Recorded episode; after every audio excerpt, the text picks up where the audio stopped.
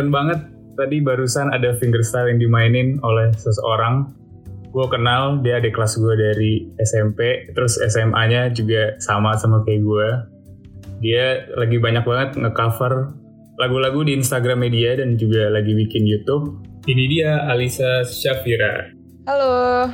Jadi Alisa ini multi instrumentalis nggak sih? Lu bisa main musik apa aja nggak sih? Lu bisa apa aja sih? Kayaknya banyak banget deh. Um, gue tuh awalnya belajar biola aja ya. Dan kebetulan di rumah itu ada instrumen lain juga. Kayak piano dan gitar. Nah itu gue piano sama gitar itu iseng-iseng main aja gitu. Bukan yang sampai les beneran. Jadi selama ini gue yang les doang tuh biola gitu sampai sampai gue ikut sekolah musik sih gitu. Oh jadi, jadi lo pertama berawalnya dari main biola dulu berarti? Iya bener. Jadi buat teman-teman yang dengerin semua uh, bisa cek ke instagramnya Alisa. Apa namanya? Alisa All Star. Gimana sih? Gimana nyebutnya? Iya, Alisa L L S T A R. Di Instagramnya isinya keren-keren banget, coba gue uh, tercengang melihat cover-cover lo tuh oh, kayak makasih. gila banget tuh. Gue kalau misalnya lihat lo cover tuh kayak anjir kok gampang banget, kok gue coba kok susah. makasih loh, makasih banyak. Kenapa lo bisa main gitar kayak gitu bisa sejago itu loh? Karena susah aja sebenarnya nggak semudah yang dilihat. Um, sebenarnya itu awalnya karena karena gue ngeliat abang gue ya abang gue itu dulu les gitar tapi cuma berapa bulan. Dan abis itu uh, di saat yang bersamaan gue jenuh les biola kan. Dan kebetulan di situ ruangan les abang gue itu sebelahan sama ruangan gue. Jadi gue suka kepo sama permainan abang gue. Nah abis itu gue tontonin terus tuh di rumah gue ikutin tuh cara mainnya. Terus um, abis itu gue di YouTube ngeliat recommendation tuh ada Sung Hajung terus uh, gue nonton kok keren banget sih cara mainnya gitu. Beda sama yang diajarin di les gitu biasanya. Terus ya udah deh karena dari Sung Hajung itu gue akhirnya bisa belajar banyak. Dari situ gue belajar aransemen aransemennya dia. Dan dari Sung Hajung juga gue jadi tahu gitaris-gitaris siapa aja gitu yang keren-keren banget dan gue juga belajar dari banyak orang. Itu lo belajar gitar berarti otodidak? Atau lo karena lo nggak les kan? Lo lesnya biola. Kalau gitar iya. lo otodidak berarti? Iya otodidak. Karena itu karena dari Sunghajung itu kan dari YouTube. Terus um, jadi gue bisa nyebar gitu ke mana-mana belajarnya. Anjir kalau lo kalau misalnya mungkin ada ada orang-orang yang nggak tahu mungkin harus ngecek banget mungkin ntar gue share juga. Itu kayak anjing itu mind blowing banget. Gue pertama tau lo karena satu SMP bareng. Pada saat itu lo perform acara-acara sekolah lah biasa lah ya. Terus tiba-tiba kok mainnya jago? Gue aja nggak bisa segitunya loh. Terus lo belajar otodidak referensinya berarti dari YouTube doang? Iya bener dan ngeliatin orang-orang main doang gitu. Gimana gimana caranya? Gue nggak nggak bisa nangkep. Lo belajar fingerstyle tapi otodidak gitu. Iya beneran. Pertamanya gara-gara ngeliat banyak orang main gitar dengan teknik fingerstyle gitu. Terus um, gue juga jadi penasaran gimana nih cara ngelakuin fingerstyle ini. Dan akhirnya kadang-kadang ada orang yang nulis tablature kan. Tablature tuh uh, partitur untuk gitar nah dari situ gue bacain uh, apa partitur untuk main gitar tuh uh, mulai dari tekniknya kayak gimana dan tuningnya harus kayak gimana not-notnya yang ditaruh di senar tuh notnya apa aja gitu. Kan sambil nonton si Sung Hajungnya gue juga jadi belajar itu praktekinnya di gue nya tuh kayak gimana gitu itu buat konteks aja karena zamannya Sung Hajung itu zaman zaman uh, eh, SMP berarti lo belajar main gitar tuh umur berapa? Um, waktu umur 10 setengah tahun. Iya, sepuluh setengah. Aja, main biola berarti lebih kecil lagi tuh, lebih bocah lagi. Iya, iya gue main biola itu uh, dari umur 6 tahun sih kira-kira. kira-kira. 6 tahun. 6 tahun gue belum bisa apa-apa anjing. Sebenarnya itu karena nyokap gue sih. Nyokap gue kan dulu um, kerjaannya belum sibuk-sibuk banget ya. Maksudnya pekerjaannya tuh belum sepadat yang sekarang. Jadi pas dulu, pas gue masih kecil juga, nyokap gue tuh les biola dan abis itu karena nyokap gue suka ngajak gue ke tempat lesnya akhirnya gue ditawarin mau ikut juga nggak les biola karena nyokap gue juga udah mulai apa namanya kerjanya udah mulai sibuk juga mungkin jadinya uh, dia ngarepin ada yang main biola gitu di keluarganya. Oh, tapi apakah lo uh, tertarik sama musik dulu baru dilesin atau lo les jadi lo baru suka musik? Um, susah ya pertanyaannya. Soalnya gue juga nggak inget itu kan udah lama banget. Iya soalnya lo masih kecil. kecil banget soalnya. Uh, uh, uh, uh. Uh, susah juga ya jawabnya. Mungkin mungkin jawabannya uh, pada saat yang bersamaan kali ya. Jadi um, pas gue di lesin uh, kebetulan gue suka tuh uh, musik tuh apa dan kenapa gue main biola kenapa main biola bisa bikin gue seneng kenapa bisa bikin orang lain seneng tuh gue uh, pada akhirnya gue juga senang musik gitu bukan karena senang instrumen doang karena bukan karena instrumen biola doang berarti secara general lo juga udah tertarik kepada musik kan gak cuma instrumennya aja iya uh, iya gue juga oh. jadi suka musik secara general terus buat ini masih balik lagi ke main gitar Kayaknya lo baru-baru, nggak baru-baru ini banget sih ya. Lo ikut lomba-lomba berarti ya? Ikut lomba-lomba main gitar, lomba-lomba musik. Um, kalau lomba gitar, jujur baru dua kali sih. Oh baru dua kali lomba gitar? Iya. Hasil dari lomba gitarnya gimana? Uh, kalau yang pertama kan waktu ikut yang Sung Hajung itu ya, yang jadi opening act tahun 2013.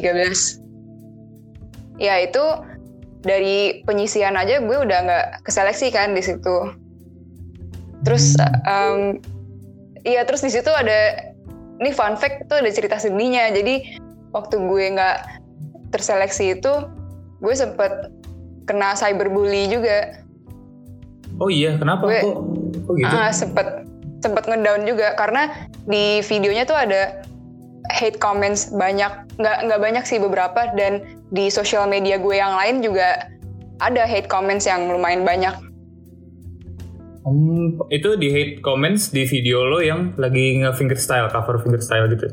Nggak juga, hate commentsnya juga bisa karena permainan gue secara general, bukan cuma di kompetisi itu doang. Tapi pada akhir itu gue nggak bayangin itu pada saat itu, lo bilang kan tadi 2013. Umur lo berarti mm -mm. masih sangat muda banget dong dan iya masih dan uh -uh. buat buat umur segitu lo bisa main sejago itu, itu udah luar biasa banget. Gue masih nggak ngerti kenapa ada yang hate comment sih. Enggak, itu belum jago. Itu nyoba-nyoba aja itu iseng. Tapi selama selama perkembangan lo kan baru bisa, eh lo baru belajar kan umur 10 tahun.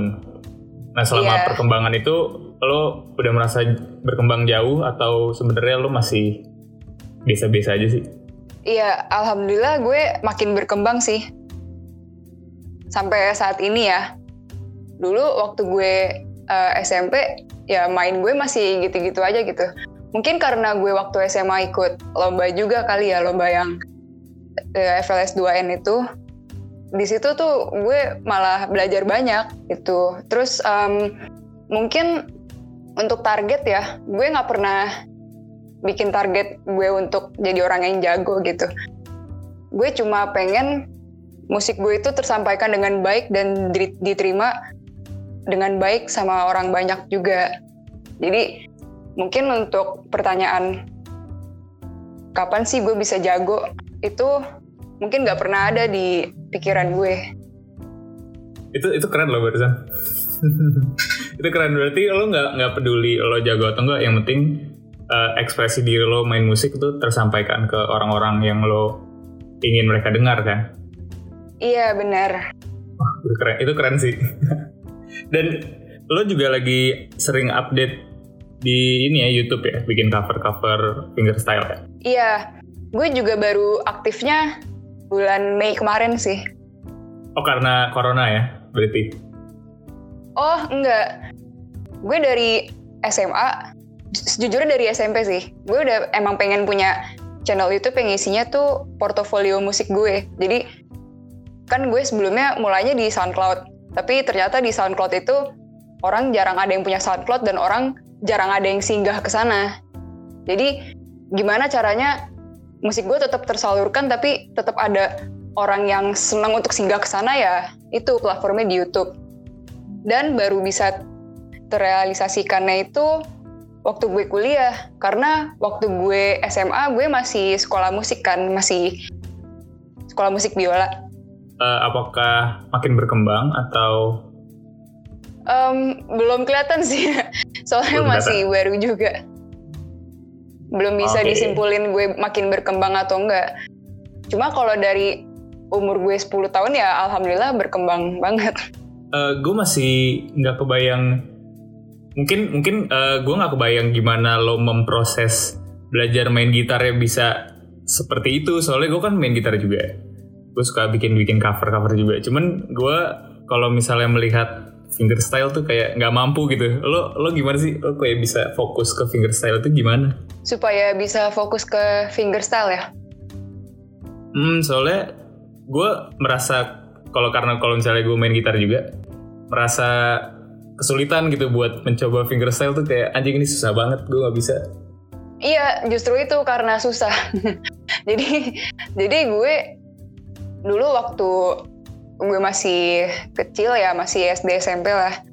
Itu gue ngeliat orang-orang tuh juga kok susah banget ya tapi kok mereka bisa gitu.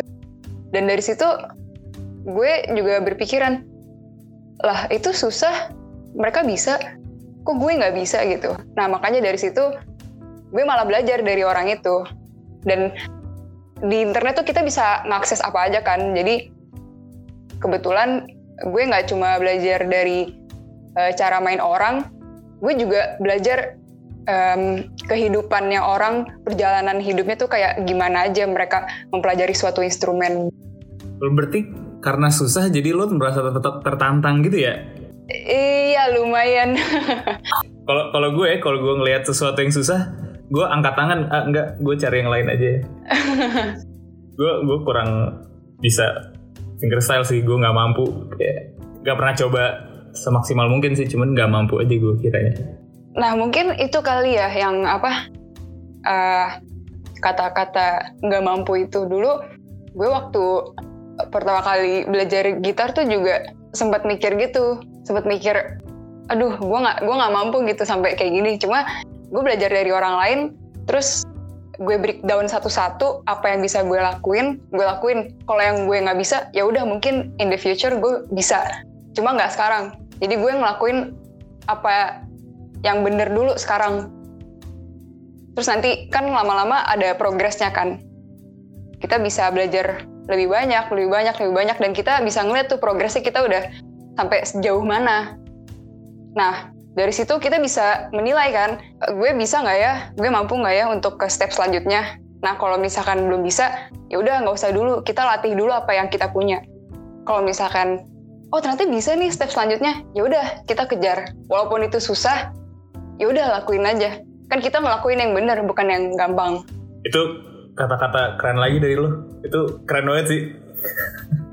Itu jadi itu semoga bisa jadi inspirasi buat uh, teman-teman yang dengerin juga. Karena uh, ini Alisa orang yang luar biasa banget main gitar. Gue aja masih kagum dari dulu.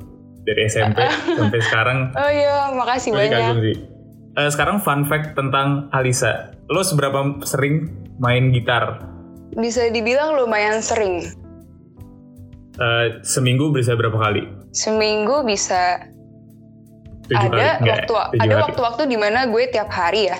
Ada waktu-waktu di mana gue seminggu cuma empat kali, lima kali gitu sih. Tapi lo kalau misalnya main gitar gitu, pasti tentunya ngerasa jenuh dong kalau misalnya belajar di suatu part yang susah. Nah itu lo menanggapi kejenuhan itu gimana?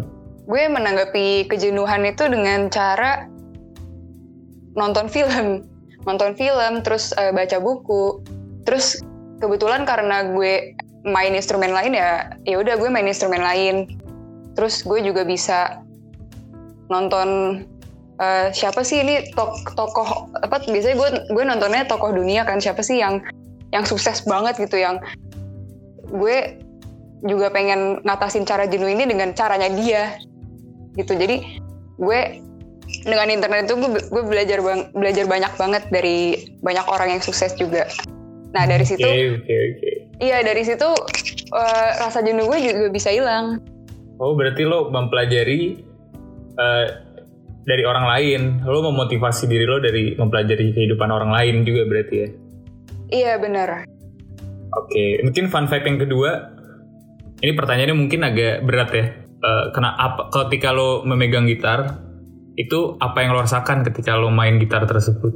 Kayak kenapa lo tertarik dengan dunia musik? Um, ini tertarik dengan dunia musik apa dunia gitar nih? Soalnya itu beda. Menurut gue beda. Oh hmm, mungkin uh, musik dulu secara general terus kenapa spesifik gitar? Jadi dapat dua-duanya. Mm -mm.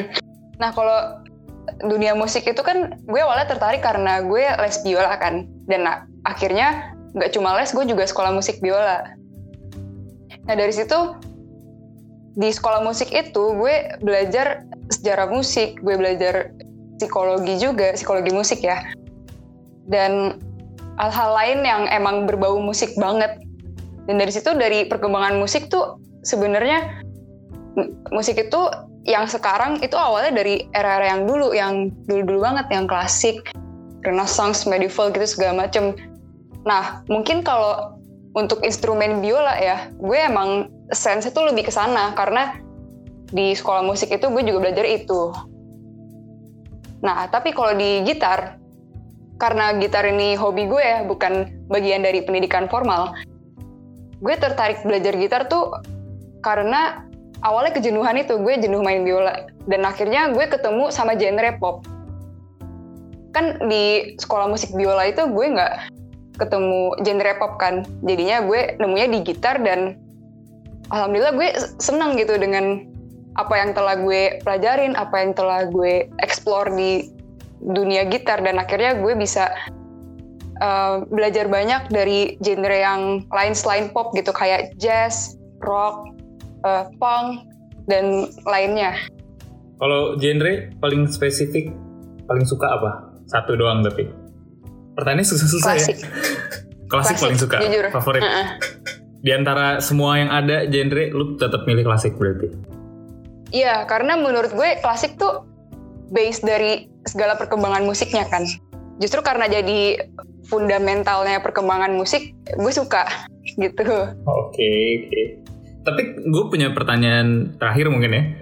Uh, lo kenapa nggak meneruskan uh, karir di musik aja lo malah masuk teknik UI lo teknik UI kan iya bener iya lo kenapa tidak melanjutkan karir di musik aja kayak sebagai profesional itu fun fact hmm. lagi ya hmm. berarti lo sebagai anak teknik lo yang dengerin jangan macem-macem sama Alisa anak teknik hmm.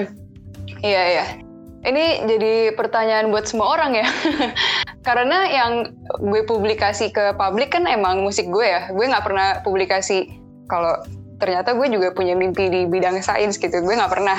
Nah jadi dulu waktu gue kecil selain cita-cita gue di bidang musik gue juga punya cita-cita di bidang sains. Karena dulu waktu gue kecil itu gue suka banget sama sains gitu nggak nggak cuma fisika doang nggak cuma kimia doang biologi doang. Gue suka sains secara general.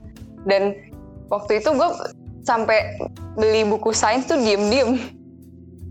Karena karena saking gue penasaran ya sama dunia sains. Gitu terus gue juga jadinya bercita-cita dong. Suatu saat di dunia sains ini gue mau ngapain? Kan gue nggak nggak mungkin cuma terjun doang nggak nggak mungkin cuma kerjaannya belajar doang. Gue juga pengen ada kontribusi lah di bidang sains di di samping bidang musik. Oh keren gitu, keren banget. Keren, keren. Okay, okay. dan dulu karena nyokap bokap gue itu suka beliin ensiklopedia anak ya itu gue yang nemu kata-kata researcher. Researcher itu ya mirip-mirip sama scientist ya waktu itu gue waktu kecil ngiranya kayak gitu. Terus waktu gue kecil itu gue kira researcher itu artinya penemu. Gue tuh nggak tahu gitu. Terus akhirnya di buku tahunan SD gue tuh nulis cita-cita gue penemu. Terus gue diledekin sama temen gue lu mau nemu apaan? gitu. Terus gue jadinya kicep kan jadinya gengsi. Jadinya aduh gue kayaknya gak worth deh. Terus um, ya udah deh sampai sampai mungkin sampai SMA kali ya. Gue um, semacam ngumpetin itu dari uh, dari image gue yang sebenarnya. Jadi nggak pernah gue publikasin ke sosial media nggak pernah gue kasih tau ke orang-orang selain musik gue. Nah tapi ternyata setelah gue udah jadi anak SMP baru sadar kalau researcher itu artinya peneliti bukan penemu. Terus gue iseng deh nyari-nyari job description peneliti di internet dan gue lihat ini menarik banget karena gue seneng banget sama sains dan juga bisa kontribusi di bidang sains dengan meneliti masalah apa yang lagi ada di lingkungan sekarang ini. Nah, pas udah masuk SMA lah, gue bercita-cita untuk research di bidang kesehatan atau lingkungan.